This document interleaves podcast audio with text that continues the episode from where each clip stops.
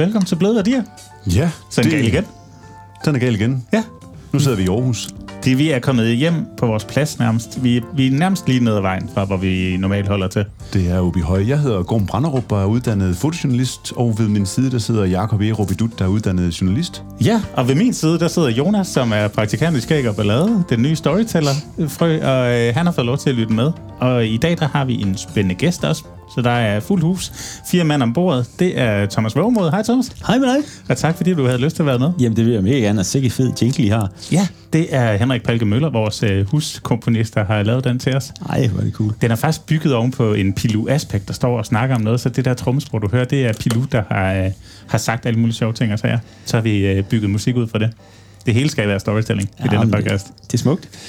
Fedt. Hej, nu fik jeg god lyd i ørerne. Gorm, ja. Du sidder og piller ved stik, der ikke er blevet sat ordentligt. i. De var simpelthen ikke skubbet helt ind, kunne jeg lige uh, spotte. Så... Det var så fedt. Det var ligesom sådan en uh, widescreen feeling. Ja. Wow. Ja. Ej, hvor er det Verden er i THX lydsystem. Nu, øh, nu kører jeg det THX og lækkerhed. Det er simpelthen så dejligt. Men øh, Thomas Vågemod, eller Thomas Wulf Lytken, hedder Ja. det jo rigtigt. ja, Vågemod er, øh, det er ikke sådan dit officielle dæknavn, du sådan har taget formelt eller noget. det er storytelling. Ja, men det er, det, det, det er jo det, vi kender dig som. øhm, og vi sidder her i dit øh, vanebrudspalæ på Søren Friksvej i Aarhus, øh, og i, i den nye Belle Pok-sal, som du er... Sådan, kan man godt sige, den er i gang stadigvæk? Det er Jo, jo, den er lige sådan, øh, under, under fintuning her. Det er jo dejligt øh, efter mange år i den anden sal, lige at have fået sådan et, et nyt lille legeplads, vi kan bygge på. Ja, Jamen, det er et, et, et herligt sted. Det, det kan du få lov til at fortælle lidt om senere. Jeg tænker, vi kommer ind på det, når vi skal snakke storytelling. Men jeg tænker egentlig, at jeg lige lægger ud med lige at give øh, lytteren en præsentation af, hvad du er for en. Øhm, du kalder dig øh, corporate vanebryder og innovator, og du har leveret vanebrudsværktøjer, workshops og oplæg til over 500 stærke danske og internationale virksomheder siden 2004. Øhm, Vanebrugspalæet ligger her i Aarhus, men du arbejder i hele Danmark og faktisk også i hele Europa. Oprindeligt uddannet markedsøkonom i international handel fra Viborg Handelsskole tilbage i 95, og herefter ansat som chefudvikler hos Dalgaard Matchpoint. Så har du været kvalitets- og konceptudvikler hos A-Dale Community fra 99 til 2004, som var, eller den her Gazelle-virksomhed, som gik fra øh, at være 7 til 100 medarbejdere med afdelinger i Danmark, Norge og Tyskland undervejs, mens du var ombord. Mm-hmm. Og siden der gik du så selvstændig som kreativ vanebryder hos din egen virksomhed Vågemod.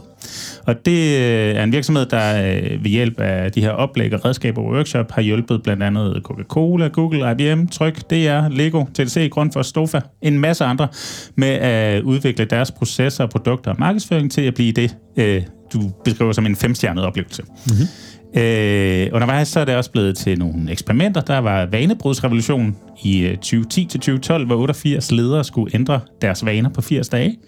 Øh, og øh, de fleste oceaner kender også øh, eksperimentet, som det her jo er. Vi sidder i den gamle biludlejning på Søren Friksvej, som øh, er blevet omdannet til et videnskabspalads af nu 1892.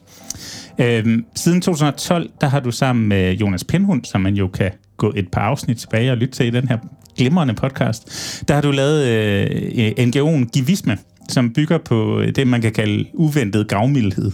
Øh, og det er blandt andet blevet til en Left Side Festival, festival hvor øh, der blev uddelt gratis øl til dem, der øh, turde tage den her svævebane hen over Brabrand, fra Brabrandstien og hen over åen om til øh, området her bag Vanebrugspalæet. Øh, og det område, det udviklede sig så, så der i 2013 blev bygget kemifabrikken Berner Bryder. Øh, og kemi skal forstås her i en, en lidt mere overført betydning. God kemi. God kemi. Som er den her oase i bymidten, hvor alle de kunne øh, låne den og bruge den til gode formål. Øhm, siden der er der også kommet givisme på jul til, øh, og det er jo igen, faste lyttere kender øh, Pindhundens trang til at sætte jul på ting, så givisme bliver også en ting, der kunne køre ud til folk, og øh, givisme-vejen blev også opfundet, som var det her sted med specialbygget togvogn uden for en vanebrudspalæet, hvor turister kunne få en øl eller en overnatning, når de nu kom til byen. I 16 der øh, var du med i en TEDx-talk omkring de her idéer bag hele givisme-konceptet, og i 2017, der løb selskab for varm velkomst af stablen, og det gik egentlig ud på at prøve at lave den største velkomstkomité nogensinde til at byde nye Aarhusianere velkommen i byen. Ja. Øh, det var et koncept, der fik øh, fælles, fællesskabsprisen derovre, Ja. og øh, øh, Hov, givis... for sådan, du er nødt til at stoppe. Der er simpelthen kommet en mand med is. Nej, der kommer en mand med is. Det sker jo. Ja, og det er jo Så øh, I skal simpelthen have en solbærdrøm, og I skal også have en kop kaffe. Og øh, kaffen, den er jo øh, foregår på den her særlige vis. Sådan Ej, her. nu får vi Værsgo. uddelt kolber. Et Sådan lille reagensglas. Nemlig. Sådan der. Og øh, man får et, øh, et stort reagensglas, og så hælder man det lille øh, med kaffe, øh, det magiske kaffe, op i det store glas. Og Ja. så tager man så øh, den her guldkande og hælder øh, den magiske væske oveni, cirka op til 150 milliliter. Oh, det er lidt langsom min. Ej, der kom den. Perfekt. Ja. ja. Det har vi ikke prøvet før, Jacob. Nej, der er det. Det, er- det, det er skønt, det her. Så nu, øh, nu hælder vi vand op i øh, de her små reagensglas, der er blevet tømt af indholdet ud i en... Øh, og det kan være, at vi skal have lyden helt tæt på, når du hælder, Jacob. Op til 150 ml. Ja, lige præcis. Nu bliver den perfekt. Og så er der Kaffe. en lille ske til omrøring. Det, øh, Og så er du der har ikke en- sådan en uh, magnet, hvor man lige putter ned i, og så kan den uh, stå og... Uh, Åh oh, ja. Ej, det er en hammergod idé. ja, Altså, er det? det, øh, tusind tak. Så vil jeg også prøve at se, om jeg kan øh, bringe øh, lyden af magisk vand, der falder ned i noget øh, sort pulver. Helt Jeg- ind i... Jeg troede lige præcis, at skeen her ville være for stor, så at man skulle bryde sin vane og vende den på hovedet. Men uh, den kan faktisk godt gå ned i kolben. Og solbærdrøm til. ja, så, så er vi ligesom i gang. Ja da. Ah, det Tak, tak Esben. Det var simpelthen øh, fantastisk. Esben skal I også høre mere om øh, senere. Ham skal jeg nok fortælle jer lidt om. Han øh, så arbejder med vores klimaprojekt her i både Givisme og Vanebrudspalæet. Jeg har brugt den øh, Du, kan ikke, øh, du har ikke mik- mikrofon på, så jeg, ved simpelthen, jeg tror ikke, du går igennem, men øh, jeg, øh, jeg fortæller din øh, sørøverhistorie øh, for dig. Så øh, tak for Hvor, hvor er det dejligt. Jeg, jeg tror, jeg fortsætter, hvor jeg slap nu, at der er kaffe i kolben og en solbærdrøm på bordet. Det er genialt. Øh, jeg tror, det var noget med, til noget med Selskab for Varm Velkomst, Ja, det var det. som gik ud på, at øh, nye tilflyttere til Aarhus, de skulle bydes ordentligt velkommen, så man fik simpelthen øh, skabt den største velkomstkomité nogensinde. Og det øh, koncept, det modtog fællesskabsprisen, og Givisme er øh, efterhånden også blevet besøgt af borgmester fra hele Norden, der er EU-delegationer, fondsbestyrelser osv.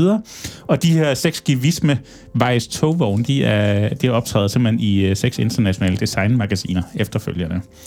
Øhm, Udover det her, jeg bliver sådan helt træt nærmest at læse det op, men du har også en velgørenhedsorganisation sammen med en, øh, en tryllekunstner, der hedder Jesper Grønkær. Mm-hmm. En gut, du øh, har mødt tilbage i Kjellerup-revyen, hvis jeg er, yes. er, er korrekt Jeg sådan en orienteret. barndomsven. Ja, det hedder The Smiling Fairy Tale Society. Yes. Øhm, og der har I øh, været alle mulige steder, dybt inde i Ny Guineas jungle. I har besøgt sheiker i de forenede arabiske emirater. Og øh, så har I taget en veldokumenteret tur til Honduras allerfarligste gade, den man kalder Death Avenue Præcis. øh, hvor I i 2013 skabte den store smiledag, øh, kan man kalde det, hvor I simpelthen tog derned for at bringe øh, smil på læben blandt de her mennesker. Det trængte de til. Og hvis man vil se mere om det, så øh, ligger der faktisk en helt dokumentarfilm, som TV2 Østjylland har været med til at lave inde på smilingavenue.com. Mm-hmm. Senest der har du stiftet Habitura APS og kastet dig over vanebrød for klimaet. Ja. Og, øh, og det er igen et samarbejde med Aarhus Kommune, øh, hvor en række oceanske familier, og det er blandt andet også min familie, øh, for lige at melde rent ud, mm. får hjælp til at bryde nogle dårlige klimavaner, øh, og så i fællesskab prøve at gøre en indsats for at skære ned på, på CO2-forbruget. Øh, og det er så planen, at de her pilotprojekter, de efterhånden skal bredes ud til byen, og måske endnu bredere ud, øh, så man i fællesskab kan få ændret på vanerne og spare noget CO2, og måske endda have det lidt sjovt, imens man gør det. Jeps. Øh, privat, der er du gift med Lea, har to børn. Du har øh, Christian på 20 og Sylvester på 6 år. Mm. Øh, og det var egentlig det, jeg havde skrevet om dig, Thomas. Jeg, der er garanteret masser mere, men kan du genkende dig selv i øh, Ja, overstående? det kan du tro. Det kan du tro. Det Dejligt. lyder nogenlunde som mig, ja. Ja, og jeg, jeg tænker egentlig, det jeg, jeg har hele tiden været lidt et spørgsmål om tid, før vi fik dig med i podcasten, fordi for mig så, øh, nu skamroser jeg lige, men du, du øh, fremstår som en af de aller sejeste storytellere, vi har øh, lige i det her område i hvert fald. Øhm, men det kommer ikke så meget til at handle om dig i vores podcast, det handler jo mest om dine værktøjer, mm-hmm. når du arbejder med Ja. storytelling. Jo. Så vi plejer egentlig lige at kridte banen op og sige, mm, hvad er storytelling egentlig for en størrelse? For det er sådan lidt fluffy. Øh, og der plejer det jo egentlig gerne at være dig, Gorm, der lige får lov til at få ordet, så kan jeg spise lidt is imens. Ja, jamen skynd dig at få den åbnet og knitre lidt med papiret. Det Ja. bliver øh, kun hyggeligt. øhm, og det er en lille solbærdrøm, vi har fået stukken i hånden her. Det er i stedet for pejs, der knytter, så har vi ligesom ispapir i det. Ja, det er fantastisk. Øhm, jamen, jeg har faktisk været her før af flere omgange, og øh, jeg husker, at jeg har fløjet med drone lige hernede i forbindelse med, at vi skulle byde øh, turister, tror jeg det var, velkommen til byen, hvor der blev sendt en kortege af biler ind til banegården, og de blev kørt herud, og jeg skulle prøve at hjælpe med at, at visualisere det fra, fra luften. Øh, hvordan at, at hele den her... Øh, oplevelses øh, parkeringspark øh, oase inde midt i øh, Aarhus øh, ligger. Ja, vi er på Søren Friksvej. Øh, og det var jo skønt at se, hvordan det myldrede ind, og vi fik skabt øh, et stort hej eller hello, eller sådan noget nede på græstæppet hernede, og folk, der blev samlet ind, og, og det var øh, rigtig meget med, med tilladelser for ligesom at, at få lov til at flyve så tæt på, på by, og jeg var inde og søge en hel masse om at få lov til at, at gå i luften for at kunne fortælle den her visuelle historie, som så blev klippet sammen med kamera på jorden, som fulgte bilerne ind og deres ankomster ind igennem hele oplevelsen her, hvor at ting vender på hovedet. Og, det var ja. jo lidt den leg der med, at øh, når man normalt kommer ind på en banegård, så står der sgu aldrig nogen og venter på en. Så skal man altid selv ud og stå og råde den der by helt fremmed. Så hvad nu, hvis det var, at man blev modtaget som rockstjerner? Det var den leg, vi lavede. Så vi stod med, med sportsvogne og ventede på dem dernede. Så var det i starten, var der sgu ikke rigtig nogen, der ville med. De tænkte, nu bliver vi snydt, vi bliver bedraget, der er nogen, der tager penge fra os, der er nogen, der vil et eller andet, men vi ville jo ikke andet end at give dem en stor gave. Ja. men på et tidspunkt, så begyndte der at strømme herned, og så fik de den vildeste treat. Fedt. Og dem var jeg, havde jeg fornøjelsen af at være en del af med et ganske kort indslag på, øh, fra luften, og, og, og det var sådan lidt min, ja, en af mine værktøjer, det var at bruge drone og fortælle øh, og formidle historier på, øh, på den måde. Og den er blevet vist til utrolig mange mennesker lige siden, skal jeg hilse dig sige, i din droneoptagelse. Dejligt at høre. det er ren rygklapperi her. øh, men, men Thomas, hvis vi nu øh, kaster bolden over til dig. Det her øh, lidt fluffy begreb, øh, storytelling eller historiefortælling, hvad, hvad er det for dig, hvis du sådan skal prøve at ramme det lidt ind?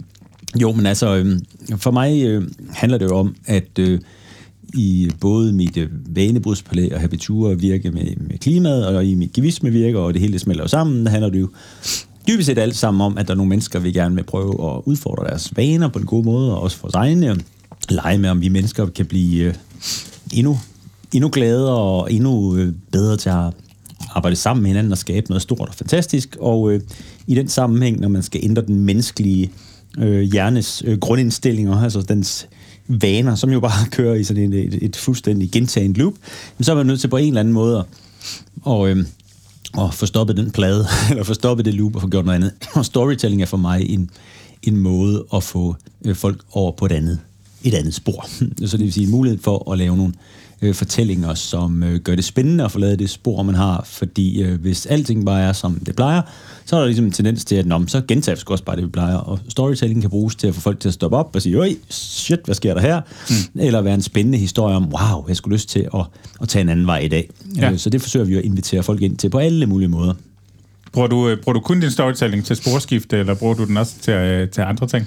Jamen altså, øh, man kan sige, når man så har fået folk ind på, fået færden af, at det kunne skulle da være fedt at prøve at gå i en anden retning. Det kunne være fedt at gå op med en eller anden øh, vane, uvane, jeg har. Det kunne være fedt at gå i retning af en eller anden vision, eller et eller andet drøm øh, sammen med mine kolleger, eller venner, eller medborgere. Så øh, bruger vi så storytellingen til at, øh, på processen, undervejs i den proces, øh, til at, at binde vores værktøjer sammen, fordi mine værktøjer har, vanebrudsværktøjer, jeg lavet over mange år, de har sådan nogle faser, man kommer igennem. Det er jo illustreret med sådan en, en nu kan man jo ikke se det i, nu kan se det i radioen. Hæng på 30 sekunder. Thomas han øh, lægger sin is og ligger hørebøfferne oven i isen, og isen ligger i forvejen oven på papir og nogle blyanter, og så styrter han over i den anden ende af lokalet og henter et billede i en guldramme. Ja, ja, ja, ja, ja, ja. ja. Mm. Altså det, man ikke kan se ud på lyttersiden, øh, det er en ø, som vi har tegnet, eller en hjerne, vi har tegnet om til en sådan meget eksotisk ø, som ja. har nogle øh, landskaber, og den ø har jeg undervist i mange år som mit eget billede på, hvordan man bryder en vane. Og man skal ligesom gennem nogle forskellige stadier. Man skal gennem øh, de klare ønskers bjerge og de vilde idéers jungle og øh, Venedig, som er stedet, hvor alle vores vaner de gentages, den her by, Venedig, og øh, de skarpe planers marker og de modige handlingers ørken.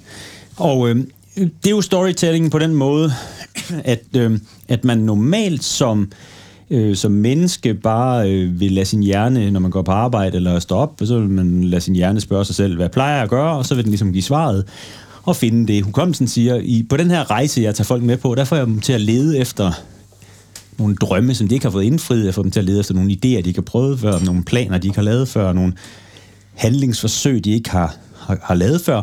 Og, og det er jo så øh, den rejse, som jeg laver storytelling på med den her ø, til at jeg ligesom, øh, vi lader som om, at vi er på en lille, en lille sjov mental rejse. Så det vil sige, når vi er ude i det vilde i deres jungle, så møder vi alle mulige fantastiske måder at få idéer på, så du kan få idéer på kommando. Mm. Og når vi fortæller den historie, så tillader vi os ligesom at bryde ud af det, af det normale, ja. kan man sige. Og det var et meget langt svar på, hvad storytelling var for dig, men det bliver også dejligt konkret, tænker jeg. Øhm, hvordan, hvordan kom du egentlig på, at, at, at du skulle bruge storytelling øh, altså, til at bryde vaner med? Øh, hvordan gik det op for dig, at det var det bedste værktøj?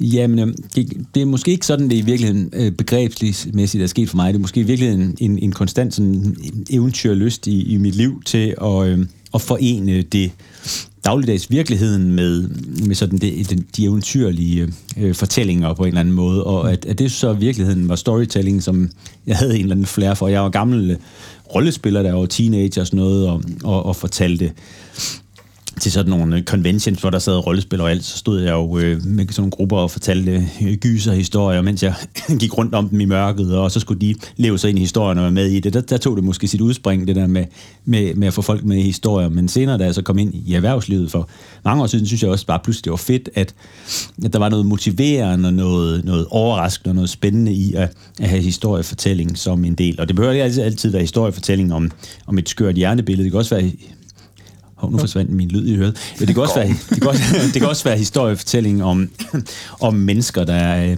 har kastet sig ud i vanebrud, og hvad der så skete for dem osv. Så, videre. så det kan også være, være virkelige historier. Men alt, altid sang om sådan at, på en eller anden måde at, at lave en lidt eventyrlig, øh, nogle, bruge nogle eventyrlige lignelser, som, som fortæller om, hvad der, hvad der ventede som den alternative øh, resultat, hvis du turer og kaster ud i noget nyt. Mm.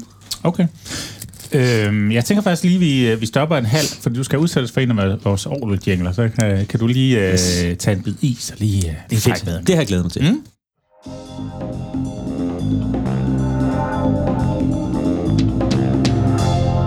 Oh, ja. ja, det er god is.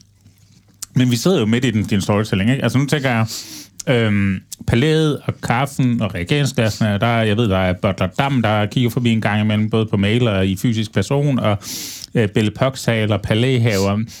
Hvad er det, du skaber, når du involverer den fortælling i dit arbejde med banebrud? Hvorfor, øh, hvorfor har du valgt lige præcis den her fortælling, som vi nu sidder i nu? Jo, det kan jeg godt fortælle Øhm Altså, hvis vi lige tager øh, til, til den gamle del af vanebrugsbladet, som kom før Belle Pox-sagen, så kan man sige, så blev den jo bygget på tanken om, at jeg igennem mange år har arbejdet sammen med ufattelig mange medarbejdergrupper, som jo på en eller anden måde har bestilt mig til at komme og hjælpe dem med at at tænke nogle nye tanker, og det kan man jo godt være lidt nervøs for. De fleste menneskers hjerner er øh, per øh, standard indstillet til at blive en lille smule nervøs, når der er noget, der er anderledes end det, det plejer. Så derfor byggede jeg vanebrudspalæet på den måde, at når man kom ind i det, så skulle det være rart og øh, og lidt spændende at være i, men ikke sådan noget, hvor man tænkte, åh oh, nej, nu er der nogen, der skal udsætte mig for et eller andet helt vildt træls. Men noget, hold kæft, det bliver sgu nok rart at være her. Derfor øh, udtænkte vi et narniaskab, man gik igennem, fordi når du mentalt ja, den mentale oplevelse, du har, når du går ind gennem et narniaskab, er, hold kæft, det var skørt.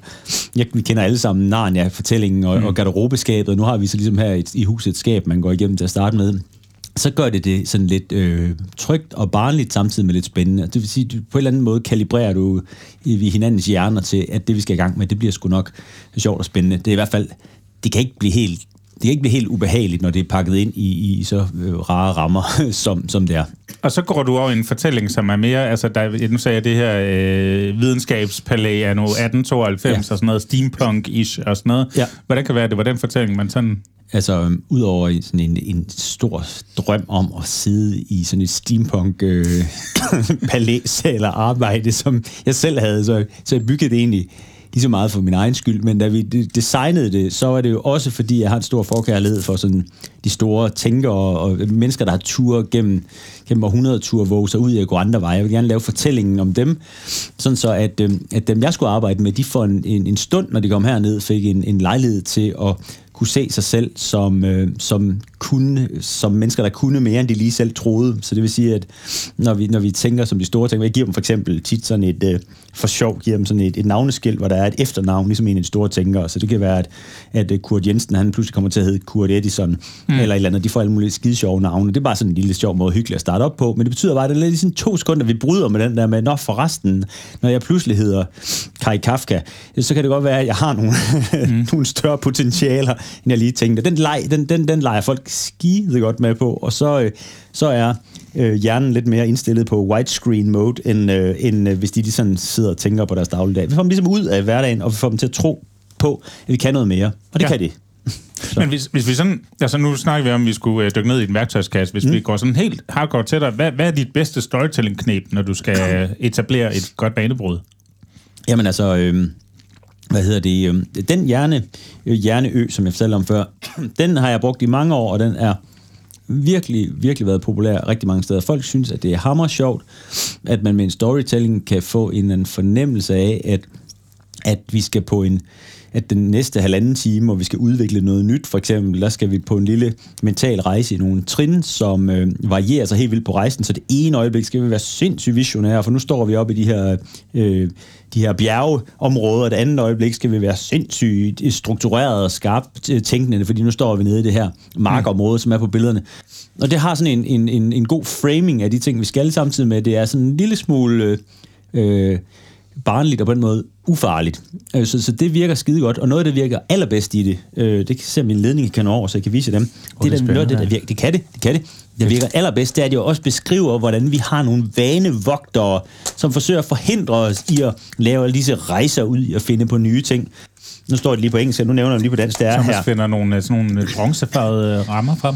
Der er her deler ikke her. Her, her deler ikke, han er illustrationen på, at vores hjerne vil forsøge på en eller anden måde altid at få det, som vi allerhelst selv vil have, altså vores egoistiske behov dækket først, mm. samtidig med at den også har nogle andre sider, som vil forsøge at, at gøre alt det altruistiske og gode for andre. Øh, så har vi her orker ikke, og her orker ikke er et billede af ham her sådan lidt presset herre, som tænker, åh nej, skal vi nu til at lave noget om? Det magter jeg ikke, og det er jo fuldstændig øh, fair. Og så har vi frøken Bør ikke, som siger, ah, det kan vi ikke lave om på, sådan har det været i mange år, og sådan bør vi ikke gøre. Eller her glemmer ikke, som, øh, her glemmer ikke, som siger, ej, det har vi prøvet før, det virkelig sgu ikke. Mm. Øh, der er også en mere, som ligger herovre, det er fru kan ikke, som siger, jamen, det kommer aldrig nogensinde til at gå. og det her, det er ikke sådan nogle dårligdomme, som nogle, som nogle enkelte medarbejdere eller borgere har, det er en mental øh, nogle men- mentale øh, forsvarsmekanismer, som vi alle sammen er udstyret med, som forsøger at forhindre os i at overforbruge vores energi. Og når jeg laver storytelling med de her personager, øh, så er det for at gøre det trygt for alle folk at vide, at når du indimellem i hverdagen kommer til at agere sådan en lille smule samarbejdsmodvilligt øh, Mm. med andre, så er det ikke fordi, at du ønsker at være træls, så er det fordi, din hjerne forsøger at spare energi. Okay, og så det har man et billede af, så det er her, her vil ikke, Ja. eller her har prøvet det før. Præcis. Eller, Det, ja. det frikender i virkeligheden alle til at sige, sådan er vi alle sammen, så derfor behøver vi ikke pege fingre hinanden og sige det ene eller andet. Så det vil sige, når jeg indimellem går og siger, det orker jeg ikke, fordi vi kommer vi alle sammen ud i, enten at vi er gået for, for sent i seng, og nu orker vi ikke mere den aften, eller nu har vi knoklet for hårdt i et projekt, så er det fordi, at vores hjerne forsøger med nogle af sine sider at fortælle os, hov, øh, det kan være lige nu, at du øh, bruger din energi dårligt. Og det Ja. kan så også være, at de overhovedet ikke har styr på det, fordi de er sgu ikke særlig raffineret, de der sider, men det er ikke dig som, øh, som menneske, der gør ved det. det kan ikke, du kan ikke fjerne den del af hjernen, den er en del af det mentale sæt, du udrustet med.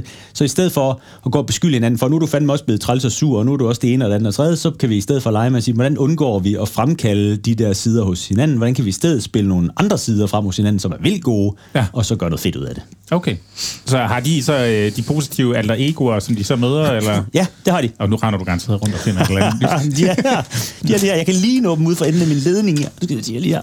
Der er jo, øh, og de passer jo ind i de her, det her mentale univers. Der er sådan en Indiana Jones-type, som render op og rundt og, og spørger folk op i de klare ønskesbjerge, hvad er det allerbedste, du kunne drømme om at opnå i verden, hvis mm. det hele gik fantastisk. Der er jo øh, så øh, hende her, som render rundt ude i de vilde idéers jungler og siger, hvad, hvad kunne være det vildeste, du har hørt andre lave i den her sammenhæng, for ligesom at tviste dig væk fra, hvad, hvad du selv plejer at gøre. Der er mm. en, en flok af de her, som så guider dig på det rigtige spor. Og det bruger jeg sådan storytelling-agtigt til at sige, de her personager mentalt må du have styr på. Øh, fordi at hvis du har styr på dem, så kan du få alle de idéer, du vil, og du kan få alle, sætte alle de øh, drømmer og visioner, du vil. Mm. Øh, og, og vi bruger dem jo alle sammen, når vi laver de her øh, givisme- og, og virksomhedseksperimenter, som du selv læste op i starten.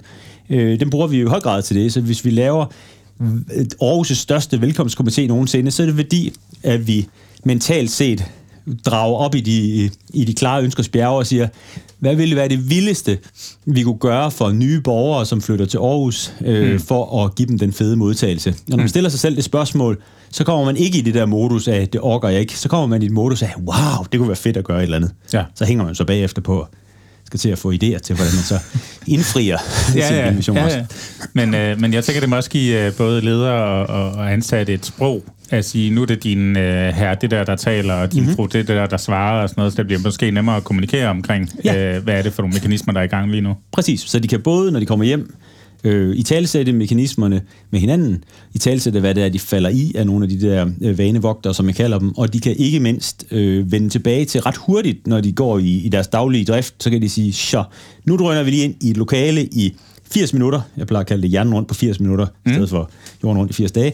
Så kan du gå ind i 80 minutter, og, øh, og derinde, der kan du stille dig, der kan du lige tage turen rundt, hjernen rundt med de her, stiller de her spørgsmål, så bliver gruppen lige guidet til at finde en fed, innovativ løsning, i stedet for, at øh, du ved, man samles i et par timer eller 80 minutter til et eller andet møde, og så er der ikke rigtig helt styr på, hvem fanden er det lige, der skal finde på hvilke idéer og hvornår. Så, det, så, så er det en slags framing af sådan en slags øh, mini, øh, mini øh, sprint, hvor, hvor man får udtænkt noget hurtigt. Og der kan man bruge de her metodikker. Okay. Men, men nu har vi ligesom fået etableret, øh, du bruger storytelling, mm-hmm. øh, du er ret erfaren for at bruge det, men hvornår kan du bruge storytelling, og hvornår bruger du ikke storytelling? Hvornår vælger du det fra? Øh, ja, altså det, det, det jeg sgu ikke lige, hvor, hvor bevidst jeg lige er om, om, om, hvornår jeg ikke gør det, fordi problemet er jo lidt, altså min udfordring er jo samtidig, at jeg får lyst til at bruge det i alle mulige sammenhæng, og samtidig bliver det for meget. Men altså, det kommer det, vi tilbage til. Jeg kunne sige, jeg kunne sige, øh, jeg kunne sige et eksempel en gang, hvor jeg havde de der øh, massevis af ledere, der, der skulle igennem vanebrugsrevolutionen. På 80 dage skulle de bryde vanerne, og der var en, øh, en, en enkelt ingeniør, der sagde i forløbet på et eller andet tidspunkt, at han tænkte, det måske havde været nemmere for ham, uden alle de der storytelling elementer, fordi hans hjerne ligesom, det måske været nemmere, hvis han bare lige havde fået forklaret det sådan, øh, fuldstændig uden alle de der lag. Så på den måde, så har jeg også fundet ud af gennem årene, at, at mennesker har jo også forskellige læringsstiler, og der er også nogen, der dybest set øh, ja, måske så, så enten have haft, ville have haft en anden form for storytelling, eller også ville have haft det fri for storytelling. Jeg tænker vel, det er en reel risiko, at du taler et sprog, og det er ikke alle, der forstår det. Det, det må jeg sgu, det må jeg konstatere. Altså ja. sådan er det jo. Øh, jeg vil gerne uh, give alle mennesker en, en stor, flot grøn knap, de kunne trykke på, og så brød de alle deres vaner. Men jeg må finde ud af, at i praksis, der er der jo forskel på, hvad der virker på på det ene eller andet. Ja, kan, kan, du, kan du hive flere eksempler op af sådan, hvor, hvor storytelling har banet vejen for, jamen det kan være et smil, eller øh, vanebrud har vi ligesom omkring, omkring, eller noget tredje, altså hvor du, hvor du har tænkt, den her fortælling, den, den er skulle lykkes med, at vi er kommet derhen. Ja, altså øh, massevis faktisk. Altså, dengang vi skulle lave øh, varm velkomst øh, for nye borgere og skulle samle den her kæmpe store velkomstkomité, øh, hvor vi jo gerne ville have, at nye borgere, fordi der var et kæmpe stor ensomhedsrate blandt øh, nye borgere i en by, ikke bare i Aarhus, men også andre steder, så vi gerne have, at man lynhurtigt som ny borger kunne komme ud og finde et sted, hvor man hører til. Altså, og der tænkte vi, det ville være byens forening og og og fællesskaber, som være det gode steder for folk ud. Og så skulle vi jo ligesom have fat i byens fællesskaber, og hvordan pokker gør man det? I ved godt, at øh, de foreningsting, man selv er, er med i, ikke? det er sådan noget, man skal gøre ved siden af sit arbejde, og så er man får en godt træt, og så kommer der en eller anden rende ned fra et vanebrugspalæ og siger, hov, nu skal I, I også som forening være med i det her, nu skal I til at oversætte alt jeres materiale til engelsk, så vi også kan tage imod nye borgere. Hvordan, hvordan sparker man det op i et niveau, hvor folk de opdager det? Og der, den storytelling, vi så brugte sådan helt lavpraktisk, det var, det var fortællingen om... Øh, om den her vision, vi havde gang i, hvor, hvor vi simpelthen sendte Bottler Dam. Det gik op for mig, at Bottler Dam, vores statlige bottler herude, som jo serverer normalt for folk på, på statlig vis, at han rent faktisk havde en fortid i cykelbudbranchen.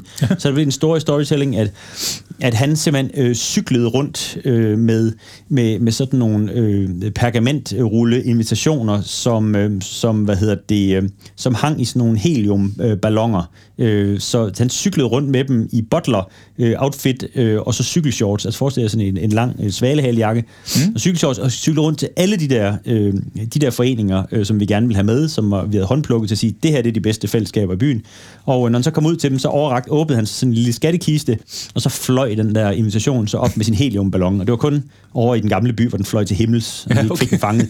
Men, men det, det fik jo det fik jo en gigantisk mængde af folk til at sige, det mener ham manden, det her, han vil. At, hvis han har sendt os en e-mail, hvis det var, at det var lidt halvt, hvor vi gik jo, altså det er sådan noget med, at bruge storytelling øh, og i visualisering af ting til at sige, når der er, der er noget, vi går all ind i, så, så er I heller ikke i tvivl. Så, så de kom jo alle sammen. Mm. Øh, og normalt, hvis vi bare sender en e-mail, så ville der jo have været 80% der overhovedet ikke have læst den eller svaret på nogen måde. Så vi benytter det jo i høj grad til at, at øge vores øh, hvad hedder det, responsrate, men det gør man jo ikke uden omkostninger, fordi man skal jo vise folk, at man mener det. Mm. Og, og så mener man det jo også. Jeg elsker det eksempel, fordi at vi har faktisk pangdangen i Skæg og Ballade. ja. øh, vi lavede pitch, da Radio Loud var helt nye og unge, øh, på et program, som enten med hedde I Trollens Klør, og det kunne vi også godt bare have sendt på mail kl. 12, ligesom man skulle, men vi endte faktisk med at hyre en københavnsk øh, rollespiller klædt ud som trold, Ja. som endte med at øh, på glimrende vis at tage op og trolle hele redaktionen på Radio Loud med øh, havde en stort skilt på maven måske, hvor der var en QR-kode til, Ja. til pitchet eller sådan noget, tror jeg. Ja, så øh, vi, vi ligger faktisk inde med en video, hvor hele redaktionen bliver trollet af en, af en, af en udklædt øh, trold ork something. Men så må I også have set, hvilken forskel det Ja. gør, ikke? Altså, det er jo fantastisk. Jeg har også gjort det med, med virksomheder, vi har udvalgt til, til forskellige ting, vi synes matchet var godt med, og så kom en gamle folkevognsbus ud med, med rød løber ud foran folkevognsbussen og bottler og alt muligt. Og du kunne se 100 medarbejdere op i vinduet, når, når chefen han blev kaldt ud i folkevognsbussen der, og når, når bottleren bøjede sig i stødet for receptionisten. Altså, Der, der, er jo, der er jo simpelthen så mange lege, der, som, som vi kan lege, som de fleste andre ikke tør lege, og derfor får vi jo... Folk elsker jo at, at, at lege med på det. Hvornår, øh, hvor, hvor, altså det der med at ture lege dem, hvordan, hvordan, hvordan opdagede du, at du havde den evne til at, at ture gøre det og tage springen? Fordi der er jo også nogen, der bliver sådan, nu siger jeg, blufærdige eller lægger bånd på sig selv. Ja, men helt klart, men øh, det, det øh, min, min, min grund, øh, også fordi jeg også lidt underviser i, hvordan man ligesom øh, fremmer sit, sit mod selv til at gøre den slags ting, det er min grund øh, metode til det er at sige, at man må, man må tage det som sådan en slags trappestige. Man kan ikke have mod til at gøre alting fra, fra dag et, så man må prøve at have mod til en lille smule, og så putte lidt oveni, og lidt oveni, og lidt oveni. Og det vil sige med årene, nogle af de ting, som vi har kastet os ud i at have, have mod til, er sådan noget, hvor man bare siger, don't try this at home, og Jesper Grønkær og jeg, vi tog til Dødens Avenue, øh, øh, hvor der er fem mor om ugen, og tænkte, der kan vi sgu godt sprede lidt glæde, fordi øh, mentalt set siger vores visionære tænkning, at det kunne da virkelig være fedt, og når man så står dernede, så er der faktisk øh, pisse farligt, altså du ved. Øh, så så det, det er et udslag af, at vi, vi er kommet langt op ad stigen og har gjort 100 andre ting før det. Øh, men, men, men mod avler mod.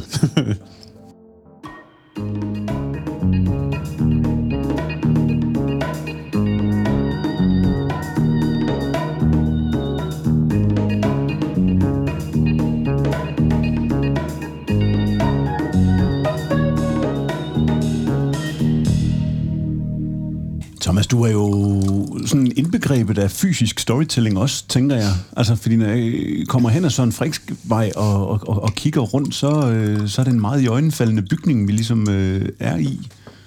Og du har billeder på de forskellige personer, og du har en ø derude. Kan man ikke bygge alt det alene, eller tænke det helt selv? Nej, øh, jeg er så heldig, at øh, jeg kender nogle folk, der er helt vildt gode til at bygge, blandt andet øh, Pindhunden, og jeg kender nogle folk, der er sindssygt gode til at tegne og alt muligt, og så øh, dybest set handler det om, at jeg med de der metodikker, som jeg har lært mange, mange, mange mennesker over tid, øh, de er jo dybest set konceptudviklingsværktøjer. Så det vil sige, at jeg er ret øh, hurtig til at konceptuere. Øh, hele alle mine grundmetodikker, som jeg også har bygget software over de sidste tre år, handler om, at du lynhurtigt kan sætte en øh, vision op i øverste venstre hjørne, og så lynhurtigt kan bygge den ned fra, fra øverste venstre hjørne til, til nederste, nederste bund, hvor du ligesom siger, hvordan gør jeg så det? Hvordan gør jeg det? Hvordan gør jeg det? Så du kan komme ud i, i lag. det vil sige, at jeg kan få ret meget for hånden øh, i konceptudviklingsmæssigt, og så kan jeg så trække på nogle folk, der, der har hænderne skruet øh, godt på øh, til at få det virkelig gjort med. Mm. Så altså, et godt netværk er, er altid godt, tænker jeg, til at få udbredt sin storytelling. Men, ja. men altså, vi, vi er jo øh, vi har fuld plade. Du har, øh, jeg ved ikke, om du stadig har dem, du har visitkort i metal, øh, som klingede, når man kastede midt på bordet. Du har øh, dit grønne folkevognsrobrød med våbenskjold på siden, og, og selv dit navn, du kendt som Thomas Vågemod, ikke? Kan, kan det også blive for meget det gode med al den storytelling? Kan man ende med at blive lidt for meget en persona, i stedet for en person, og hvornår stopper fortællingen, og hvornår begynder Thomas? Altså, er der noget privat kontra offentligt, der er på en eller anden måde på spil her?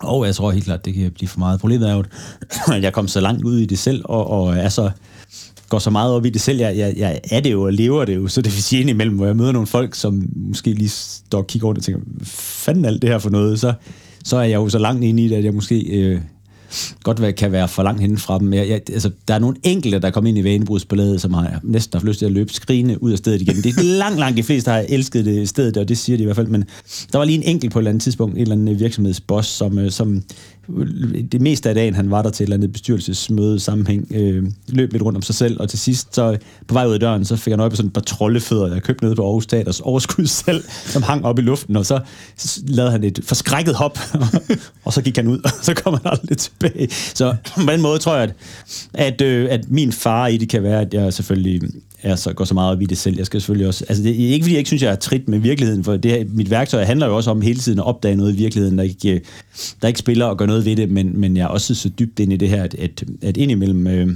indimellem tænker jeg også, det er godt, der er nogen, der, Øh, for eksempel øh, nu med det klima her, når vi laver, øh, laver øh, borger, øh, borgertest, hvor man prøver alle tingene af, det er sindssygt give, give det for mig at lave, og, at lave meget mere sådan noget, hvor jeg hører nogen, nogens respons, bare det du selv har været med i, har vi lavet nogle vitale, markante ændringer, som vi tænkte, der var masser, der fungerede fedt, det der, der var noget, og kæft, det er blevet avanceret, det vil vi lave om. Og der kan det godt være, at øh, at, at det, det, det, det er faktisk en stor gavn for mig, jo mere jeg begyndte at, at lave sådan noget med at spørge, øh, spørge folk sådan meget eksakt, øh, eller se, se meget eksakt, hvordan det virker, fordi ellers kan jeg måske godt blive sådan lidt opslugt af mit eget øh, at det synes alle nok. ja, fordi det er jo fortællinger hele tiden. Altså, du, du, du skaber, tænker jeg, meget dine egne universer, ja. øh, hvor du så øh, lever og begår dig i, øh, og, og også er med til at sætte retningslinjerne for, hvordan man begår sig i dem. Ja. Men, men, men hvordan kan man blive ved med at skabe nye universer, der er interessante? Altså, er der ikke nogen af dem her, hvor du tænker, sådan, det, det, det, det er sgu ikke for mig heller, den her fortælling? Eller er, er det bare et spørgsmål om at være konge og sige, nu har jeg sagt det, sådan ser det ud? Ja, men jeg synes jo, det er jo i virkeligheden, det er jo, hvis jeg må kalde det brugeren, hvad det er en borger eller en virksomhed, eller en medarbejder, en leder, hvem man har gjort. Jeg tænker, det er jo altid dem, der, altid dem, der er kongen. Det er jo ja. deres øh, reaktion på det, som gør, om det virker eller ej. Så det er klart, at noget af det, jeg er jo sådan en, der konstant øh, udvikler og retter til, og udvikler og retter til. Jeg lever jo et stort eksperimentar hele tiden, så det vil sige, at den der hjerneø, den har jo undergået øh, endeløse forvandlinger ud for, hvordan, hvad folk forstod og ikke forstod. Og på den måde øh, har jeg også ligesom forsøgt at at tilpasse mig, øh, mig virkeligheden. Men, men en gang imellem, så bliver der måske lige øh, lag på lag af, af metaforer øh, og, og fortællingslag i det, og så forsøger jeg at sige, okay, nu forstod jeg det godt. Nu var der nok, der lige har sagt, det, det, det forstod jeg sgu ikke. Og så, så må jeg skralde lidt ud i det. Men, øh, er alle universerne lige fede at begå sig i, om vi taler klima, eller vi taler bygge togvogn om, eller...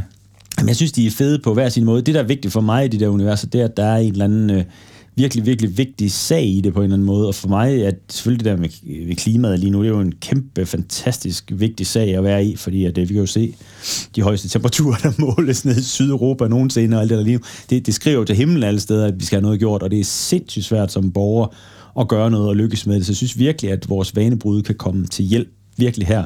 Øh, så, men, men øh, det, øh, det men, jo, ja. men omvendt, Thomas, undskyld, jeg afbryder dig, ja, ja. Men, men så sidder du også og hjælper øh, lederne for Coca-Cola og IBM og, og Lego og så videre med at lave vanebrud, hvor jeg, hvor jeg inde i mit hoved tænker, at deres vanebrud, det er vel primært for at optimere profit. ja. Altså, hvad er den gode fortælling der, og hvordan har du dig selv med på den rejse? Jamen, øh, det, det er sgu meget sjovt, du siger det, fordi den, den har jeg jo den overvejelse haft, haft, haft gennem tiden, men jeg er jo i virkeligheden skåret ud af sådan en, øh, en, en en familie med en, øh, en far som øh, salgschef og en mor, der var øh, sekretær for admiraler og sådan noget. Halløj. Det var virkelig et, et andet univers end det kreative. Det var virkelig, en, øh, jeg vil ikke sige, det var et kommersielt univers i den forstand, men bare sådan et, øh, det, jeg, jeg er ikke skåret ud af sådan en kreativt univers. Jeg er virkelig skåret ud af sådan en, en mellemting af, at, øh, at, den værk, at man må gerne være sin egen lykkesmed, men vi skal også hjælpe nogle andre. Så, så altså, jeg tænker, i forhold til virksomheder, øh, så øh, det, de må sgu gerne i mit hoved øh, tjene penge på det. Det vigtige er bare, at det, de tjener penge på, det er noget, som øh, kunderne øh, får, får noget meningsfuldt ud af på en eller anden måde. Det er noget, som deres medarbejdere har det meningsfuldt at være i, som jeg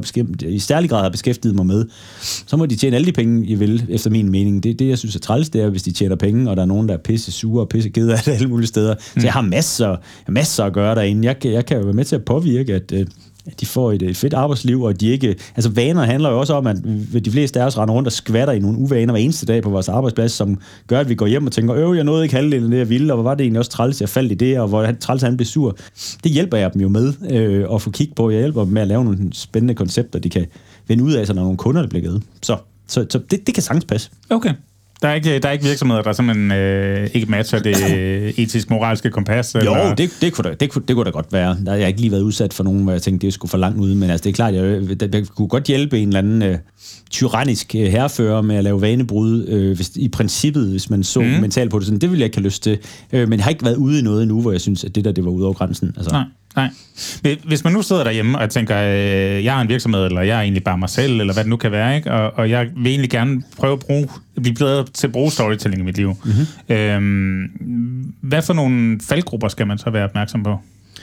Altså, øhm, ja, det, det er et godt spørgsmål. Nu, nu øhm, hvad kan man sige, øh, nu, som udgangspunkt hjælper jeg jo med at flytte sig i sine i sine, i sine vaner, kan man sige. Mm. Rykke sig i sine vaner. Og øh, i virkeligheden så er det måske mere mig, der bruger storytelling til at hjælpe dem til det.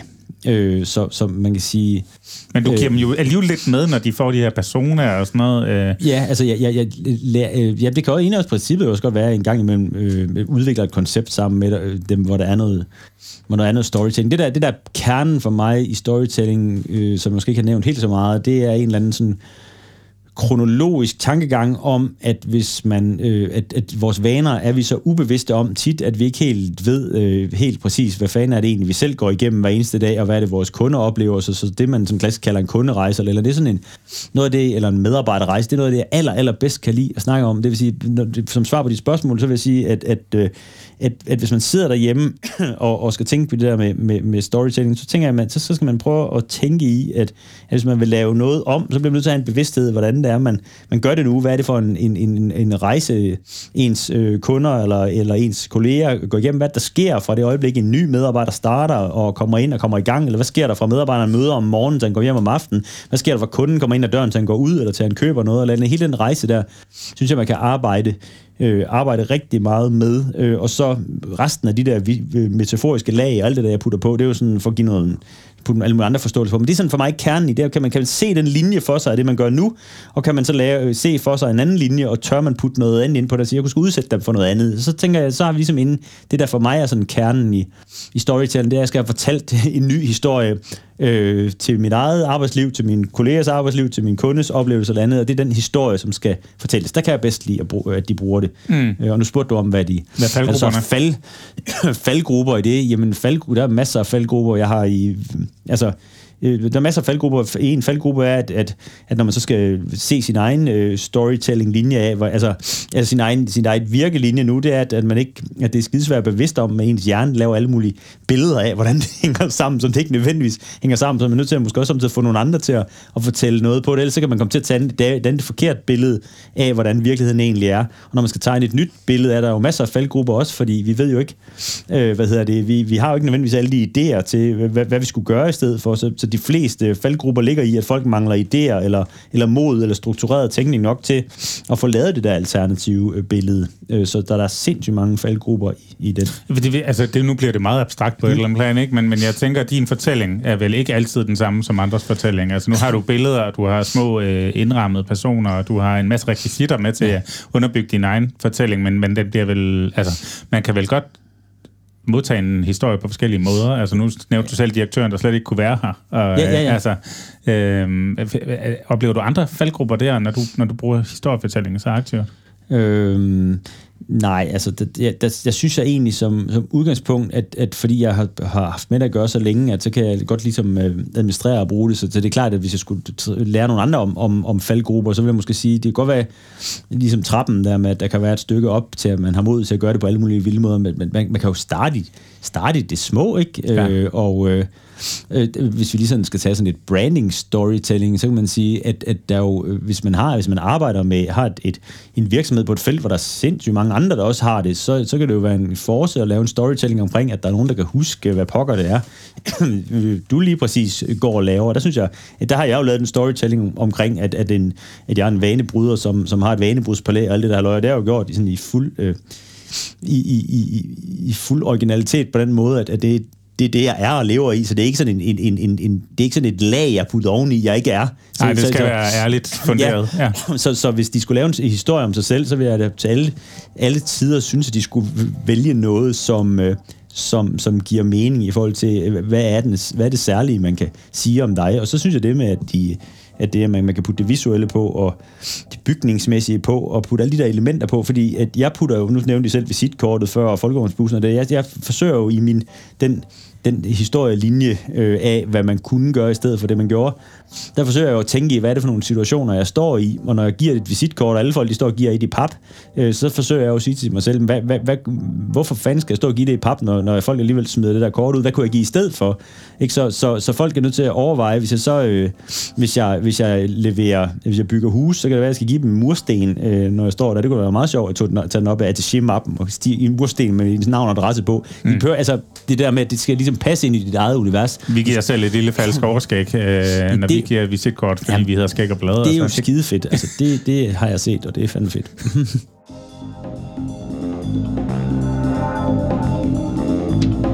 Men, men det bringer mig egentlig lidt perfekt videre til... Øh, vi, vi nærmer os småt enden, men jeg, jeg har lige et par spørgsmål, og, og det ene går egentlig på... Vi hedder Skæg og Blade. Mm. Du hedder Vågemod. Mm. Vi bliver nogle gange øh, misforstået lidt i vores storytelling, som nogen, der leverer ballondyr og underholdning til fester, ikke? Klart. Øhm, bliver du også nogle gange taget for en, der øh, bare kaster dig ud på dybt vand i alle livets relationer, og, og, og findes der ikke den her Thomas, der nogle gange bare lige har brug for lige at give lidt ned, og hverken være våget eller, eller modig?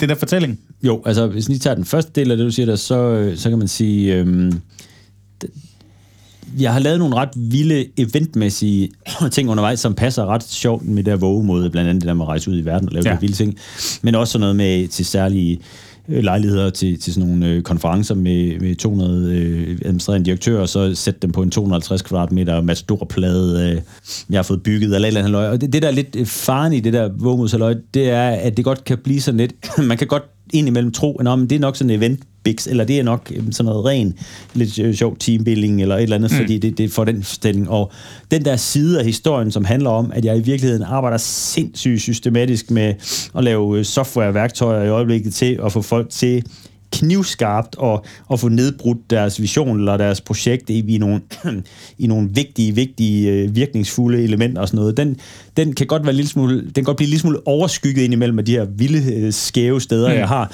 Fordi så tænker man, at han mentalt måske er nok mere sådan en kreativ fyr, så kan det være, at han sådan nok ikke sådan en struktureret fyr. I virkeligheden så arbejder jeg jo på at forene den ultimative kreativitet med den ultimative struktur. Men det er bare, det, det er altid sjovere at præsentere folk for det kreative. Når man ser ting systematisk, så er der en hel masse, tænker, åh, jeg magter ikke tænke systematisk. Og det er jo, mm. altså fordi, åh, for fanden, så skal vi til at styre på alting. Og det, det er jo også helt fair. Jeg er bare nødt til at sige, at jeg har sådan en, en virkelig, virkelig øh, højt rejst fane for, at folk skal i mål med det her vanebrud. Og der er, som du selv ser på, ja, I selv ser på hjernetegningen, der er altså nogle landskaber, man skal igennem, og de er ikke alle sammen lige sjove, men heldigvis er der nogen, der elsker den ene slags, og nogen, der elsker den anden. Det kan for eksempel betyde, at jeg troede, at de værktøjer, jeg havde 30 virksomheder med til at teste mine digitale øh, vanebrudsværktøjer, øh, som jeg lige lavede øh, lige før coronaen der. Øh, og øh, jeg troede virkelig, at det var alle dem, der var de mest kreative, der ville elske dem allermest. Øh, men det var, fordi jeg tænkte, nu kan de kreative få ligesom struktur på deres kreativitet, kreativitet men det var i virkeligheden, altså så lidt firkantet, det var i virkeligheden de allermest systematiske og ikke så kreative, som elskede tanken om, at nu kunne de på systematisk vis få bygget det kreative med ind i deres struktur. Så på den måde, så, øh, ja, så forsøger jeg lige at arbejde lidt øh, med ind imellem om... Øh, om hvis jeg skriger for højt på, på, på alt det der kreative, om, om, der, om man overhovedet aner, at det faktisk også er et systematisk foretagende. Øh, men, men det kan min, min referenceliste med alle de der store virksomheder jo heldigvis tale med på. Men ellers så kan man sgu godt komme lidt i tvivl. Lidt for meget vågemåde og lidt for lidt Thomas en gang, men måske. Det er det. Ja. Det er sjovt, for jeg sidder og får sådan et, et, et, et billede af, af det her meget eksplosive, kreative farveunivers, øh, som, som er bygget af tanker og alt muligt. At, jeg kunne godt forestille mig, at når du så skulle virkelig søge ind i dig selv og sådan noget, så ville det være sådan noget med, at man går ud på Aarhus Ø, sådan det helt nye arkitekttegnet med lige linjer og ro på og øjet, der bare slapper af og sådan nogle ting. Altså, jeg, jeg ved ikke, hvorfor jeg fik lyst til at, sådan at pive den ind, fordi at Nej, det, det, det, kan, det kan jeg godt komme på, for det var en også anden halvdel af dit, dit spørgsmål før. Øh, det, det er jo det der med, hvordan hvad med, med det private og det andet i det? Altså, hvis, øh, jeg, har, øh, jeg har i mange år haft et, et, et, et sådan et, et, lidt, ikke et hemmeligt kontor, men sådan lidt mit eget lille øh, fredsommelige kontor, hvor jeg ligesom kunne være lidt i, i ro for alle de der øh, mentale, eller alle de der kreative, visuelle vildskaber hernede. og det er ude på en parkeringsplads ude i, i Marcellesborg Skov, hvor jeg kan køre ud med min folkevognsbus, og lige præcis på den parkeringsplads, der kan man holde med, med, med sidedøren åben, og så sidde på en stol inde i sin, bag sin folkevognsbus, og så kan man kigge ud over panoramaudsigt ud over havet. Og der holder aldrig nogen lige der, så man har ligesom sådan et, et, et, et million dollar view, der er Og derude, der er det ligesom, du ved, sådan, uh, det derude side, hvor, hvor roen den, øh, den virkelig kan sænkes over en. Der er man hverken våget eller modig, eller der er ikke nogen, der forventer det i hvert fald. Der kan man bare lige sådan være. Det lyder som et smukt sted. Ja, lige præcis. Øh, Men, men, men noget andet, jeg tænker på, det er, at øh, nu klim, klimakrisen er over, så du har valgt at forsøge at ændre vaner hos ganske almindelige øh, oceaner. Mm-hmm. Jeg er en af dem. Ja, og det er nærmest nede på en for en, at du tager dem og siger, nu skal du blive bedre til, øh, eller prøv, prøv at se, hvor meget CO2 oksekød udleder, eller øh, ned på det niveau, ikke? Jo. Og det er ligesom en igangsættelse af en bevægelse. Mm-hmm. Ligesom kivisme og alle de andre ting, som jo. har det her bevægelseselement i sig. Ja. Øhm, jeg vil godt tænke mig at høre, hvad er det, der driver dig i forhold til arbejdet med at arbejde mod modstand? Fordi der ligger jo altid en modstand, når man skal bryde en vane. Ikke? Mhm. Hvordan hjælper historiefortællingen, når man skal øh, nedbryde modstand?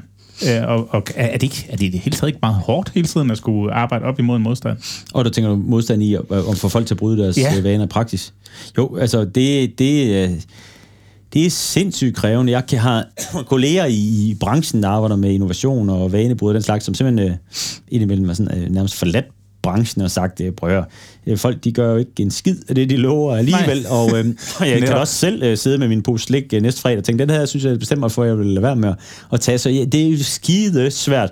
Øh, så der er jo masser af modstand, men, men, øh, men jeg tror også, det driver mig, det der modstand på en eller anden måde, fordi det er sådan en oprigtig, øh, ærlig lyst til at hjælpe hjælpe dem, og i det her tilfælde hjælpe øh, klimaet, at, at vi rent faktisk, øh, lige præcis hvad angår hvor at det ikke kun bliver til glæde for, for vores fælles klode, som jo også er til gavn for hver af os, men også bliver til glæde for de her familier, der arbejder med det, fordi vi kører jo også lidt i ring i vores familie, så det rent faktisk giver os et reelt lille familieprojekt, som vi, vi sådan... Øh, har som et fælles, noget, et fælles projekt, vi, vi kan gå ind i sammen om noget, der er vigtigt. Mm. Øh, og, og der bliver i et fælles projekt, og det er jo også på storytelling, i et, i et fælles projekt, hvis jo mere der er, er modstande, vi overkommer i et fælles projekt, jo mere kommer vi også styrket og glade ud af det projekt sammen. Jeg skal bare passe på, at de modstande ikke bliver for store, så det mine værktøjer skal hjælpe med, det er jo så at sikre, at man, at man får valgt noget, som i virkeligheden betyder noget. Øh, og der havde vi den lille morskab, jeg, ikke,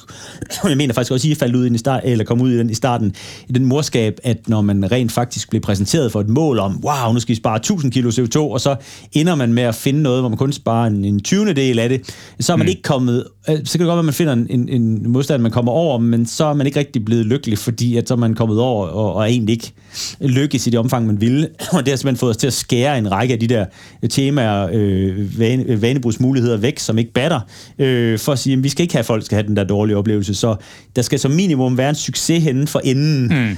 både for klimaet, men der skal også være en succes som familie, øh, både fordi de færreste af os gider at, øh, at gøre noget, hvis ikke det har en eller anden gavn for os selv også, hvilket er helt fair, fordi jævnfører de der skæve personligheder vis her, som øh, også vil os selv egoistisk, men så jeg tænker bare, hold kæft, jeg har haft mange, der har prøvet det her værktøj til at starte med, som siger, og kæft, det er jo egentlig også ret fedt at komme til at snakke om, om vi sidder for meget med vores mobiltelefoner, øh, hver især i vores eget rum, og glemmer at være nærværende med hinanden. Så det vil sige, når vi går i gang med at bryde klimavaner og snakke om, det kunne stru, stru, sluge strøm, så kommer vi faktisk også til at snakke om, hvor meget vi er sammen som mennesker. Det, så, så, så det er helt vildt vigtigt for mig, den sag, fordi den, den kan få familierne til at få et, et fedt et fedt emne øh, mm. og en fed modstand at holde med. Og det er jo sådan, altså det er jo helt nede på sådan en klassisk aktantmodel, om man, man skal netop overkomme en modstand og, og blive lykkelig på den anden side, og og det er lidt sjovt, det er jo sådan, det er jo sådan helt eventyragtigt med, med ridderen, der skal kæmpe mod dragen, og dragen den skal have en vis størrelse, for ellers er det ikke fedt nok.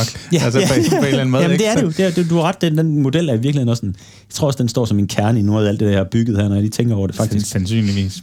Øh, hvis, hvis du her til slut sådan skal pege lidt på nogen, du synes bruger storytelling enormt godt, øh, eller hvor du synes simpelthen kan se, at det bliver brugt på en eller anden fabelagtig façon at fortælle gode historier, hvor, hvor peger bilen så henad?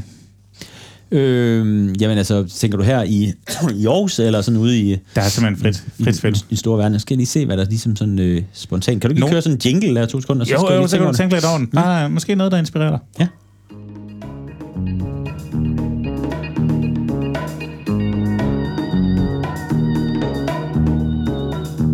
Det er også øh, hårdt lige at blive kastet ud i det. det er ikke for små børn.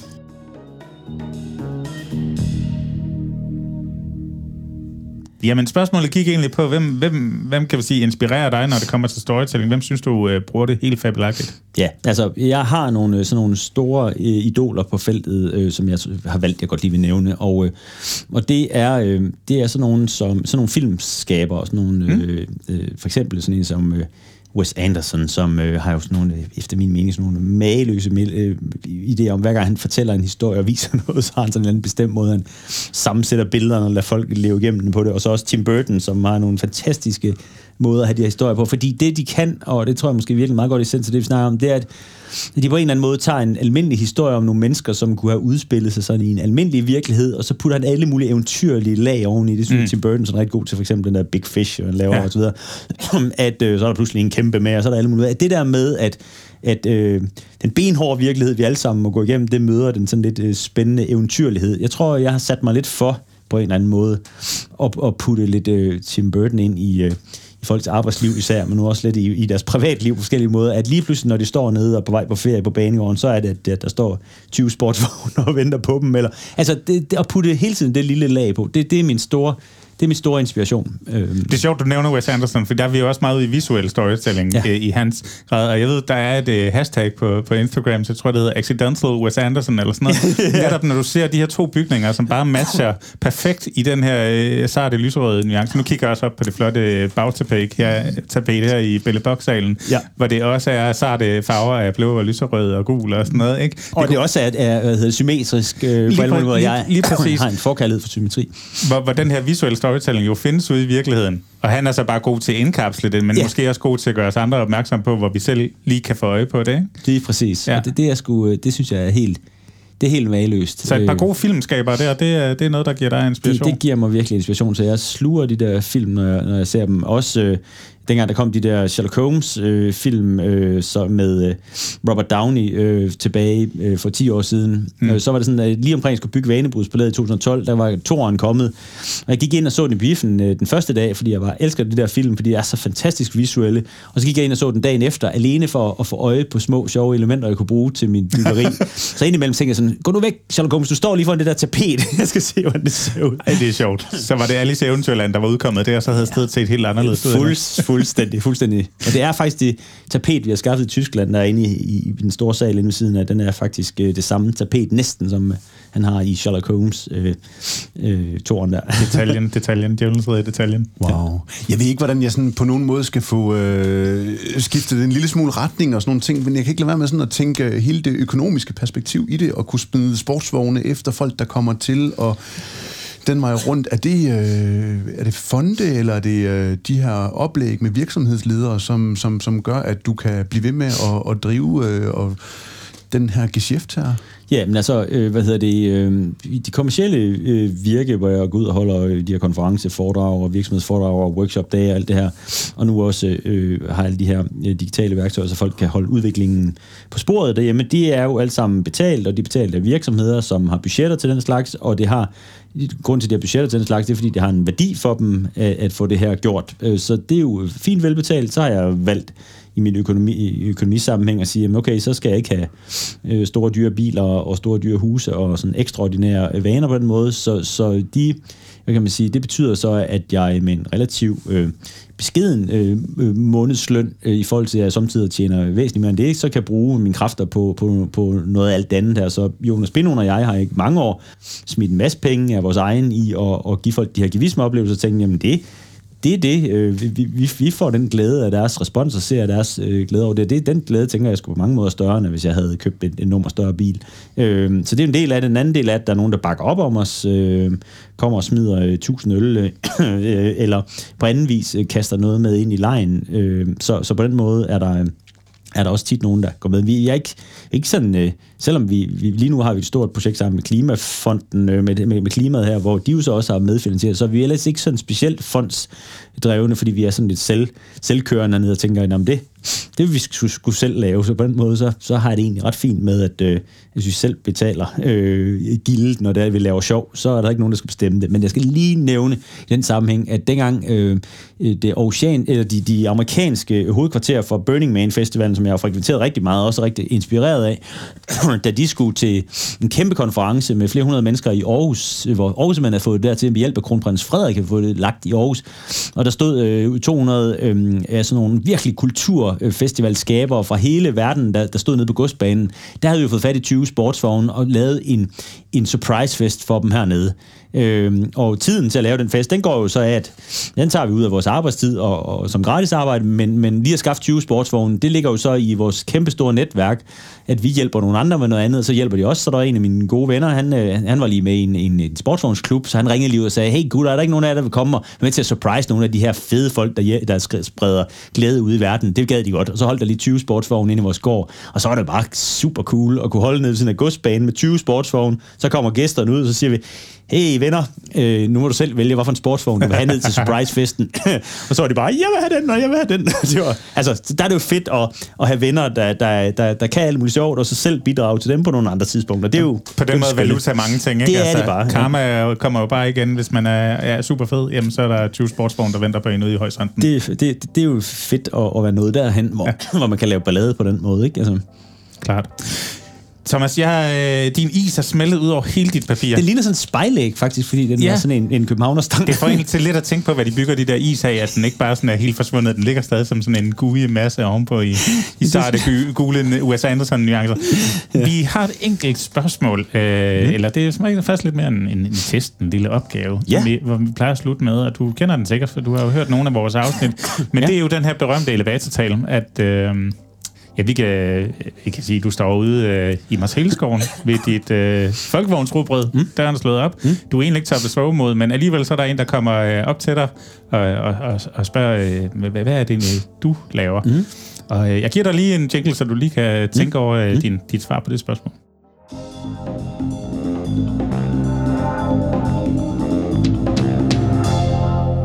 Nå, jamen, Thomas, der, der står vågemod på den der fine gamle bil. Hvad, hvad laver du? Jamen, nu skal du bare høre, jeg hjælper simpelthen øh, ledere og medarbejdere, og også i en rimelig grad private borgere, med at sådan, gøre sig fri af sine vaners tyranni, sådan så de kan nå alle deres fantastiske visioner og mål øh, sammen med hinanden på den fede måde. Det giver dem teknikker til, det giver dem øh, digitale værktøjer til. Det lyder spændende. Ja, tak.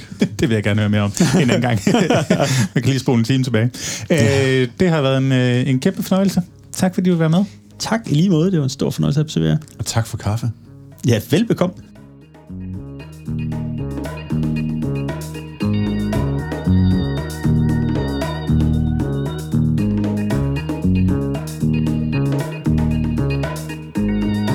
Så er vi tilbage. Det er jo ikke mange 100 meter, vi har flyttet os, Jakob, men øh, vi er stadig i høj tilbage i øh, fortællehulen. Ja, og skal skal jeg komme også over på et godt, oven på et godt interview med den gode vågemod. Det var spændende høre. Og en dejlig is. Og en dejlig is. Hans den lå sådan og smeltede til sådan en gullig substans øh, undervejs. Det var, øh, det, det var også meget Thomas Vågemod-agtigt. Lige at, at komme med is, smelte det hele, afbryde det hele for dig. Der kom is ind fra venstre. Tag to bidder og læg ned på papiret, mens den smelter. Han bare snakker i et væk. Det var... Øh... Jamen, jeg elsker det. Altså, det, øh, altså, det er jo anden gang, tror jeg, vi spiser på, øh, på podcasten. Ja hvor at øh, første gang det var øh, nede ved Rasse Skovpølser, hvor at vi jo gik igennem hele det her kulinariske spændende oplevelse af en bøf sandwich. Ja, det var jo en urpremiere på øh, kommende sæsons bøf sandwich, vi øh, fik præsenteret det her med nogle, øh, der var en nye løg, husker jeg og sådan noget, ikke? Ja, vi kunne have valgt at stoppe den med Thomas og havde spist vores is, og så havde øh, fortsat, men, men nej, vi... Øh, det blev rimelig meget op fra ned. Ja, og i næste afsnit, der vil gå med indtage en halv gris, mens Nej, det, det tror jeg bare, vi skal stoppe med. Hvor kom den fra? Ja, det ved jeg ikke. Øh, men, men vi skal jo snakke lidt om, øh, hvad vi egentlig render her i. Ja. Vil du lægge fra landet om? Ja, vi skal i animationens land. Vi mm. skal til Møns Bank. Ja da. I kombination øh, skal vi lave endnu en øh, øh, animering, hvor at øh, de har den her persona, som de bruger til at formidle en hel masse budskaber til øh, deres medarbejdere og ansatte i, øh, i banken. Og der, øh, jamen der er vi inde over og hjælpe med at idéudvikle øh, og, og få den til øh, at, at komme mest muligt til live og være så hvad kalder man sådan noget, detaljerig og så øh, i øjenhøjde og noget, de kan identificere sig med. Mm. Og der lægger vi øh, stemmen til os, mm. så øh, jeg har det er fornøjelsen. Dig. Ja.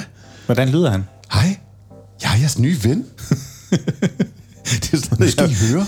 Jeg får en lille smule mareridt over det, men det, jeg kan godt se, at det passer faktisk ret godt til den her lille blå mand med et meget stort hjerte. Altså. Jeg synes, det er...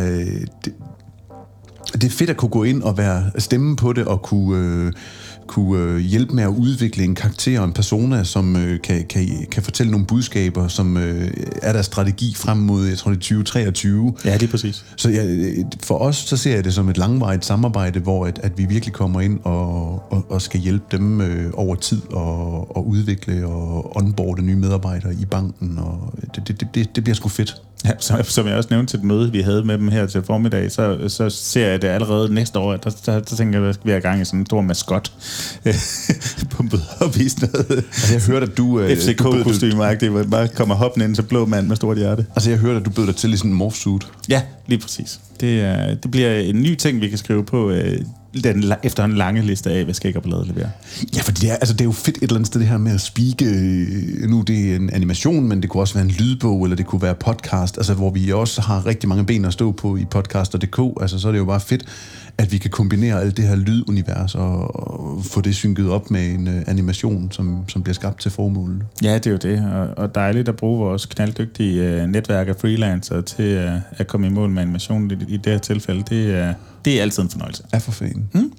Jamen, jeg har øh, i, i noget, øh, noget skrivning for en gang skyld. Fordi det, der er faktisk lidt lang tid imellem, at jeg får lov til at lave det, jeg egentlig er uddannet til, nemlig skrivende journalistik. Er du uddannet journalist, Jacob? Ja, altså, hvem skulle have troet det? Jeg er faktisk fotograf. Nej. Af uddannelse og profession. Skulle vi ikke lave et eller andet sammen? Jo. Det kunne da være hyggeligt. Nej, øh, jeg er blevet kontaktet af Jysk Fynske Medier, eller Aarhus Stifttiden, og det har jeg faktisk fortalt lidt om øh, tidligere, hvor, hvor det var øh, Aarhus øh, Strøgforening, jeg var ude at snakke med. Men, øh, men de er vendt tilbage, og det er jo altid dejligt, når kunder gør det. Så nu skal jeg både en tur i det genåbnede Trøjborg Center og snakke med, med folkene fra Løbjerg, og, øh, og jeg har også ved at planlægge, at jeg skal ud og besøge en, øh, en lokal, i hvert fald østjyllandsk virksomhed, Biomega, øh, som har udviklet øh, en model, de kalder Egen, som er en eldrevet cykeltrailer. Ja. Øh, Den har de fået crowdfundet, og det var sådan noget, der stak af i løbet af ingen tid med, at alle skulle have sådan en.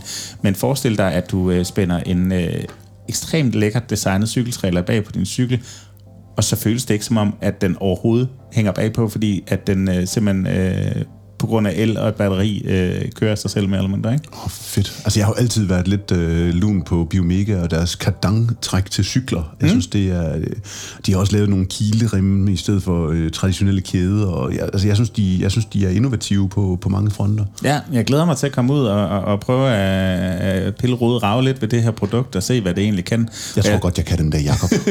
Det kan være, at de skal have taget nogle billeder. Ja, det tror jeg, de skal.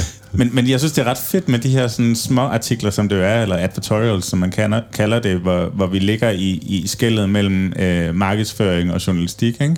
Øh, at, at øh, der er noget etik i, der skal selvfølgelig gøres på en ordentlig måde, og det må ikke bare decideret blive en reklame. Det er faktisk også øh, en form for objektiv journalistik, du bedriver. Men du får lov til at komme ud og prøve at kraft. Altså, nu nævner jeg Biomega og så Trøjborg Centeret i den næste sætning. Ikke? Altså, du kommer rundt og snakker med nye, friske, spændende mennesker, der øh, brænder for alle mulige skøre ting. Så, øh, så det er sgu ret fedt. Ja, Jeg synes, det er kæmpe fan. Også fordi vi kommer ud og, og repræsenterer selvfølgelig øh, jysfynske medier og Aarhus Stifttidene, men mm. vi kommer også ud som øh, skæg og ballade Ja. og får bredt budskabet ud, hvad, hvad det er for noget kommunikation og storytelling, som vi kan bidrage med, og hvilke værktøjer vi har i vores værktøjskasse. Og det synes jeg er fedt. Ja, helt sikkert. Og så oven i alt det her, vi er gang i, så, øh, så, så er der jo en, et, et lille brand, der hedder Aarhus Festuge, som har ragt ud til os, og det har vi talt om tidligere. Men, øh, men bare for at sige, at øh, inden, inden næste podcast kommer på gaden, så har vi afviklet en mini-podcast-festival i Aarhus Festuge, hvor det simpelthen er kuplen inde i Rådhusparken. Vi har stået for et programsæt for en, en, en god portion af, af de punkter, der kommer derinde. Og jeg er pikkestolt af det program, jeg har sat sammen. Beep, blev det lige indsat der, ikke også? Ej, øh, når jeg siger det, så altså, det skal du også være, Jakob, fordi altså, Det skal Aarhus, Aarhus Festuge er sgu en institution i, øh, i byen, og, og noget, som, som virkelig trækker udenlandske og internationale navne til. Hmm.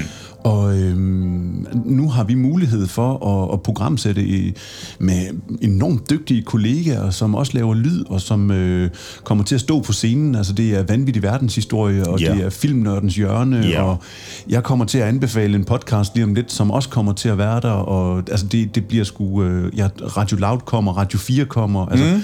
Og podcast er... som siden sidst, og øh, Guttermand, og øh, er der nogen, som er en spøgelsespodcast og sådan noget. Altså, det, vi kommer virkelig rundt omkring kroner og får præsenteret ja. noget fedt. Vi kommer også selv til at stå på scenen og snakke om, hvordan man skruer en god podcast sammen, og, og gøre det undervejs, hvor vi både har grafiker og jingleproducent i spil live on stage. Det bliver altså tosset fedt. Ja, det bliver en god interaktion med de publikummer, som øh, har mulighed for at komme ind, og dem, der ikke kan komme ind, jamen der øh, prøver vi simpelthen på at ekvipere dem med øh, trådløse, øh, hvad hedder sådan noget, silent disco headset, så de kan følge med inde på scenen, men måske ikke være fysisk til stede derinde og se... Øh, Altså, jeg, jeg synes virkelig, vi prøver på at, at løfte niveauet og, og ja. komme, komme kæmpe højt op, fordi at vi godt vil skabe denne her, nu kalder jeg det en festival i festugen, men, men altså, det er en, en lydoplevelse, hvor man kan blive klogere på, hvordan øh, podcast de bliver skabt og lavet, og, og, og det er en dyk ned i en øh, journalistisk værktøjskasse og en teknisk værktøjskasse, hvor man virkelig kan kommer til i vores øh, podcast øh, making øh, se en, en grafiker, som du siger, der mm. laver det. Altså det, det er hele artwork, det er jingle, altså det er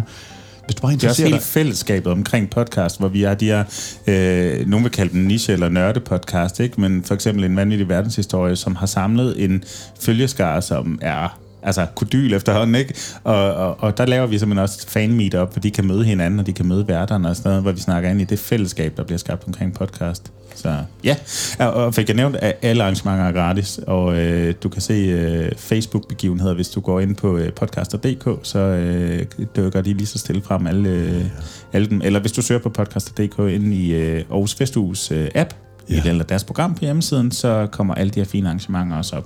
Så øh, kom lige forbi, det kunne da være så hyggeligt, så, så giver vi en krammer. En må vi det? Selvfølgelig må vi det. Jeg skal, jeg skal en afsprittet krammer. Ja, det bliver det. Ej, jeg synes, jeg, jeg, altså jeg vil sgu gerne jeg vil fandme gerne fremhæve det. Jeg håber virkelig, at folk, der, der, der er lidt interesseret i det her med podcast, og hvad det kan, og hvordan man kan bruge det markedsføringsmæssigt, og hvordan man kan bruge det til at fortælle historier, mm. og, altså at de dukker op og kommer og ser og oplever øh, festugen, som ligger den sidste weekend i øh, august, og ind i øh, den første uge af september. Ja. Og det er Rådhusparken i Aarhus, og det er Kublen. Det er, det er der, det sker. Det er der, vi står og Ja. Ja, vi har fået lov til at lukke cirka 100 ind ad gangen, så øh, det er først til mølle. Hold kæft, er vi oppe på så mange? Jeg troede, vi var et meget begrænset antal, men øh, fedt. Det er, det er dejligt, så der kan komme lidt... Øh, altså, nogle mennesker derinde alligevel, ikke? Super. Og, og Jonas, ja. Pr- praktikant, storyteller, Jonas, ja. hej. du skal også være med til at afvikle den. Ja. Bliver det fedt, eller? Jamen, jeg glæder mig helt vildt. Mm. Øhm, du får nok sådan en lidt øh, flyvende målmand, havde jeg sagt, rolle, eller altså praktisk gris hjælp til, øh, hvor, der, hvor der er behov for det. Er det noget, du glæder dig til? Det, ja, egentlig. Ja. Altså, jeg, øh, jeg vidste egentlig godt første gang, I nævnte det her med festugen, at der var en mulighed for, at øh, måske komme til at øh, få lov til at styre en pult ja. i en halv time. Ja. Det kan også være at blive sendt over efter øh, kaffebønder. Men øh, ej, jeg synes, det er vildt spændende at kunne være, være en del af det jeg tror også, vi begge to, øh, går og jeg, er sådan lidt nogle afviklingsmøl, for vi elsker, når vi går i det der mode, hvor, øh, hvor der skal afvikles et, et event, så, øh, så bare det i sig selv bliver fedt, tror jeg, at komme lidt ud af fortællehulen og, og afvikle. Ja. Mm. Nå, men vi har også nogle anbefalinger, så øh, vi snupper lige en jingle, og så skal vi høre, hvad man skal lytte eller se i den kommende tid.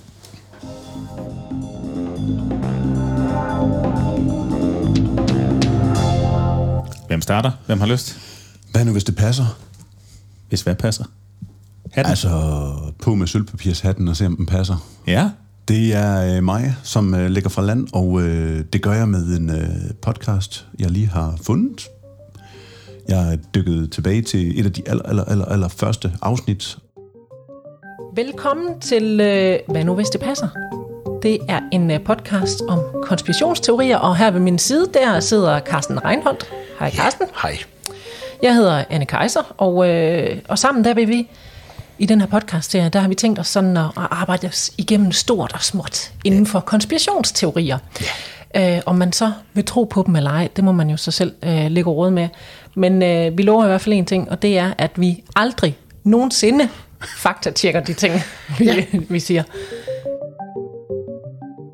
Og vi er helt tilbage til allerførste afsnit, hvor jeg sådan lige vil øh, tage tråden op fra, fordi at, øh, den, den starter super godt med, at øh, vi hører nogle konspirationsteorier, og det er derfor, at de øh, dykker ned i de her konspirationsteorier og siger, at man skal tage sølvpapirshatten på. Øh, de kommer ikke med øh, fakta, de prøver ikke på at se, om noget det er rigtigt eller ikke er rigtigt, men, men de dykker ned i alverdens mange konspirationsteorier og ser, om øh, der kunne have noget gang på jord.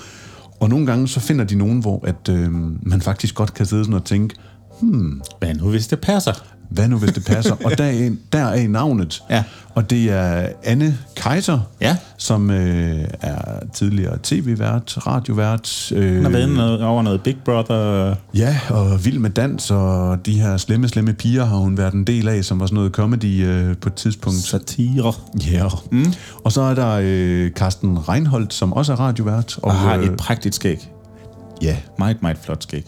og øh, det jeg glæder mig til, og grunden til, at jeg dykket ned i det også, er fordi, at vi jo hiver dem med ind i øh, Aarhus Festuge, hvor de er programsat til også at komme, øh, jeg tror det var søndag, omkring middagstid, hvor man kan komme ind og høre dem lave et øh, afsnit, som så også efterfølgende bliver udgivet.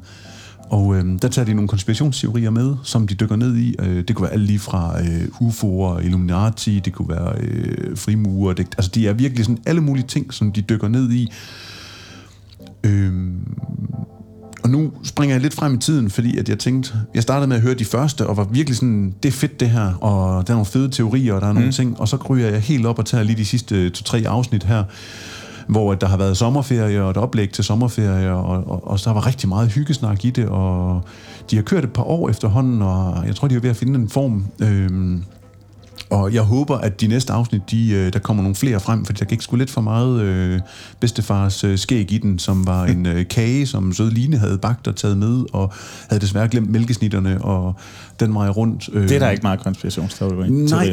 Nej. de havde lige et par enkelte ting, og det var super fedt. Øhm, og og, og, og jeg, jeg er sikker på, at de nok skal hive øh, noget rigtig lækkert program op øhm, til, øh, til festugen. Så en anbefaling og et venligt rap herfra. Ja, jeg tænker, jeg tænker, jeg, jeg tænker det, det, det jeg, jeg godtager det, jeg tænker, det har været noget sommerferie, der var også noget corona indover, der var en hel masse ting, og de måtte lave det over Teams, så lyden var ikke specielt god, og det skal den altså bare være i en podcast. Altså, mm. men, men fred være med det, og jeg tror, at de har et kæmpestort community også, øh, som, som de... Øh, som følger dem og lytter til dem, så øh, jeg glæder mig, og jeg, vil, jeg, jeg, jeg lytter, altså jeg bliver ved med at lytte til dem nu her, det, øh, det gør jeg. Jeg kommer ikke lige til at tage alle 80 i rap, men øh, springer lidt frem og tilbage og finder nogle teorier, som jeg godt vil dykke ned i og se, om jeg kan få øh, sølvpapirshatten bekræftet eller aflivet. Jamen, det er smukt. Hvad med dig, Jonas? Du har også lyttet til podcast? Ja, det har jeg. Men det er godt nok et stykke tid siden, jeg hørte den. Mm. Måske en halvanden måneds tid siden. Mm. Og det er en podcast, der hedder Generationen, Ja. med EN på. Så øh, Generationen. ja, Ja. ja, beklager min dårlige udtale. det er så fint. Lad os, Men- lad os lige lytte til en bid her. ja da. Ikke fuck med mig, dræber dig. Alt det, du skal til at høre nu, har jeg lavet på grund af de seks ord. Ikke fuck med mig, dræber dig. Velkommen til Generationen. Mit navn er Bobak, og det her det er min rigtige historie, blandet med andres historie. Noget af det er dokumentar, noget er fiktion, noget af det rimer. Det håber jeg, du vil bære over med. Så jeg ved egentlig ikke helt, hvilken genre det her er, eller hvad temaet præcis er. Det handler om hiphop, om politik, men mest af alt nok om identitet.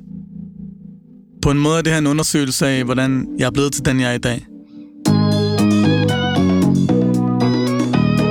Det er en podcast, der er lavet af Babak Vakili, Ja. øhm, som er en... Nu skal jeg tænke mig om. Han er opvokset øh, på Amager, Mm. og han har iranske forældre. Og... Jamen, jeg vil ikke røbe for meget. Hvad handler det om? Sig noget. Det handler dybest set omkring, øh, hvilke oplevelser man kan have som mm, ikke-etnisk dansker. Ja. Dansker. Altså, mm. ja. Øhm, og det er egentlig...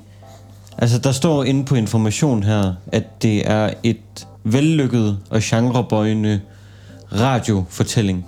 Okay. Så han siger allerede i starten, at det er... Det er ikke fakta, men det er heller ikke fiktion. Altså, der, det er meget blandet. Så han fortæller om sine egne oplevelser, Mm. øh, andres oplevelser, øh, radikalisering, ikke kunne komme ind på natklubber. Ja. Øhm, og det er faktisk en af de eneste sådan lyd, radio, lyd, podcast formater, hvor jeg godt kunne mærke, at man fik lidt en klump i halsen. Okay. Og øh, tårnen, de pressede på. Altså, det var virkelig, virkelig flot arbejde. Ja. Jeg mener, det er lavet i samarbejde med DR. Okay, ja. Så hvem end der har altså, stået for produktion og lyd på det der, altså det er... Det burde være medaljevindende. Okay, fedt. Øh, og, og, og hvad får man ud af at lytte til den? Er det bare en forståelse for hele iterationsproblematikken i Danmark, eller er det en personlig fortælling, eller hvad, hvor er vi henne? Jamen altså, den tager udgangspunkt i en personlig fortælling. Mm. Men, men igen med de der... Er det fiktion, eller er det ikke fiktion? Mm. Øhm, han tager... På et tidspunkt, der tager han fat i den her Black Lives Matter-snak. Øhm, omkring, at... Mm, altså, at man, man ser en masse mennesker snakke omkring det her Black Lives Matter, og det måske er meget godt og sådan noget. Men samtidig så de her mennesker, de har aldrig sagt noget til, når ham og hans venner, eller hvad skal man sige, øh, ja, hvad skal man sige, brune mennesker i Danmark er blevet nægtet at komme ind på natklubber. Mm. Det har de aldrig sagt noget til, jeg har aldrig tænkt over, Nej. og ignoreret fuldstændig. Så det er jo også lidt et prædikat, mange har taget på sig. Nu er jeg en del af Black Lives Matter-bevægelsen, og det er min egen personlige øh, øh, fremtoning. Det gælder, eller... Jamen, jeg, jamen jeg, tror, jeg tror, den går på det der med, at folk de lige pludselig godt kan øh, hvad skal man sige, tilslutte sig det her Mm. Øh, forholdsvis nemt, og uden at skulle egentlig lægge så meget i det. Men i de andre situationer her, der har de aldrig gjort noget. Nej. Så det er, det er lidt, øh, hvad kan man sige, en gratis omgang for dem. Ja, jeg, tror, det jeg tror, det er en kritik af tiden. Altså den tid, vi er i. Og Ja. ja. sådan noget.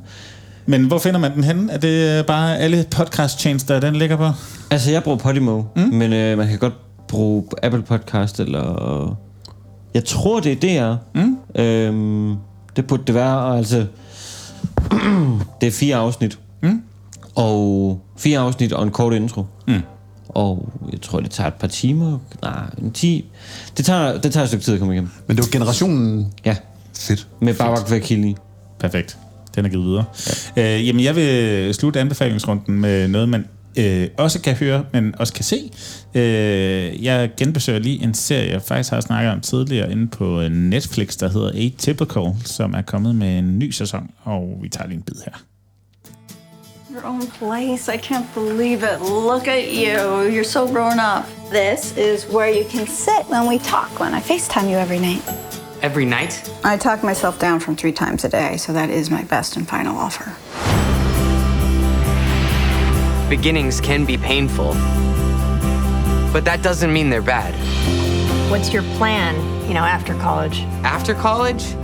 I have no idea. I never thought I would get this far.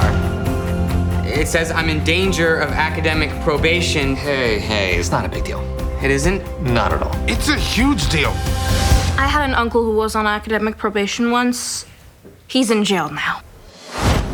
Jamen altså, Atypical, jeg har øh, rundet den før, og, og grunden til, at jeg den frem, det er både fordi, at den, øh, jeg synes stadig, den holder, og jeg synes, den øh, faktisk rykker sig med sæson 4, der er kommet nu her. Og øh, for dem, der ikke har hørt min tidligere anbefaling, så handler det om, om en 18-årig gut, Sam, som øh, er en del, øh, eller er et sted på det autistiske spektrum. Øh, han er øh, autist, øh, men velfungerende, og øh, er i gang med at tage en uddannelse, og øh, i den her sæson ender det så også med, den her unge mand øh, vælger at flytte hjemmefra, hvilket er jo en, en kæmpestor ting øh, som, som autist, og ikke mindst for hans forældre og hans øh, søster og sådan noget, at, øh, at, at han nu skal ud og stå på egen ben, vælger at flytte sammen med, med en, en kammerat, øh, som vi går også har sit at bøvle med.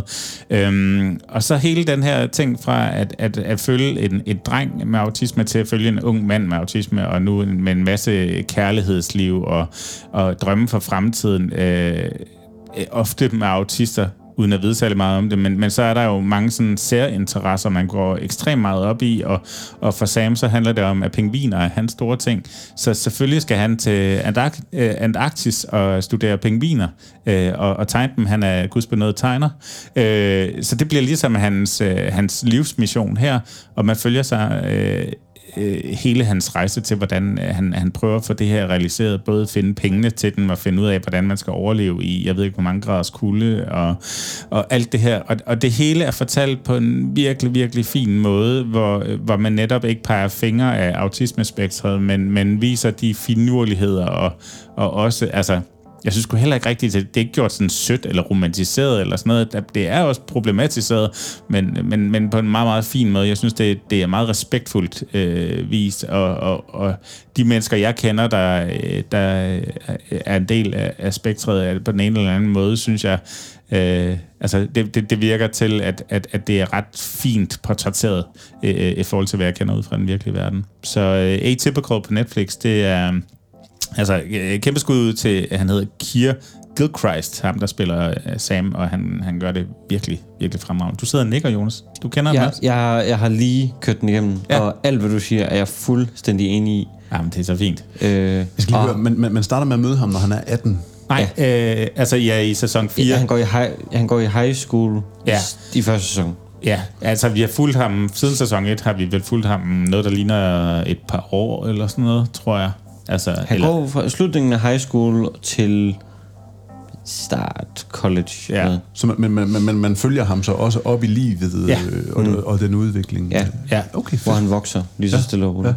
Og det er jo sådan noget med, at altså, det der med kærester og sådan noget, begynder jo at tage en anden form øh, lige pludselig, og, øh, og forviklinger med familien. Og, der, og så, altså, det er på den måde, at, som, som mange gode serier er skruet sammen på, hvor, hvor øh, sidekaraktererne jo også udvikler sig undervejs, og forældrene har en, en sideløbende historie med noget utroskab, og hvordan, hvad, går, hvad sker der i familien omkring det, og hvordan reagerer man som autist på, når sådan, noget sker i ens tæt netværk. Man følger søsteren, som har en karriere inden for, øh, de har de her scholarships i, i USA, hvor hun, øh, hun jagter et inden for løb. Hun er enormt god til at løbe, og hvad det betyder, og hun øh, springer også ud i forhold til sin seksualitet. Og sådan. Der, der er mange små sidehistorier, som binder den rigtig godt sammen, men, men det er Sams historie, der ligesom binder øh, en fin, flot sløjfe på det hele, og den er bare, ja, on point, synes jeg.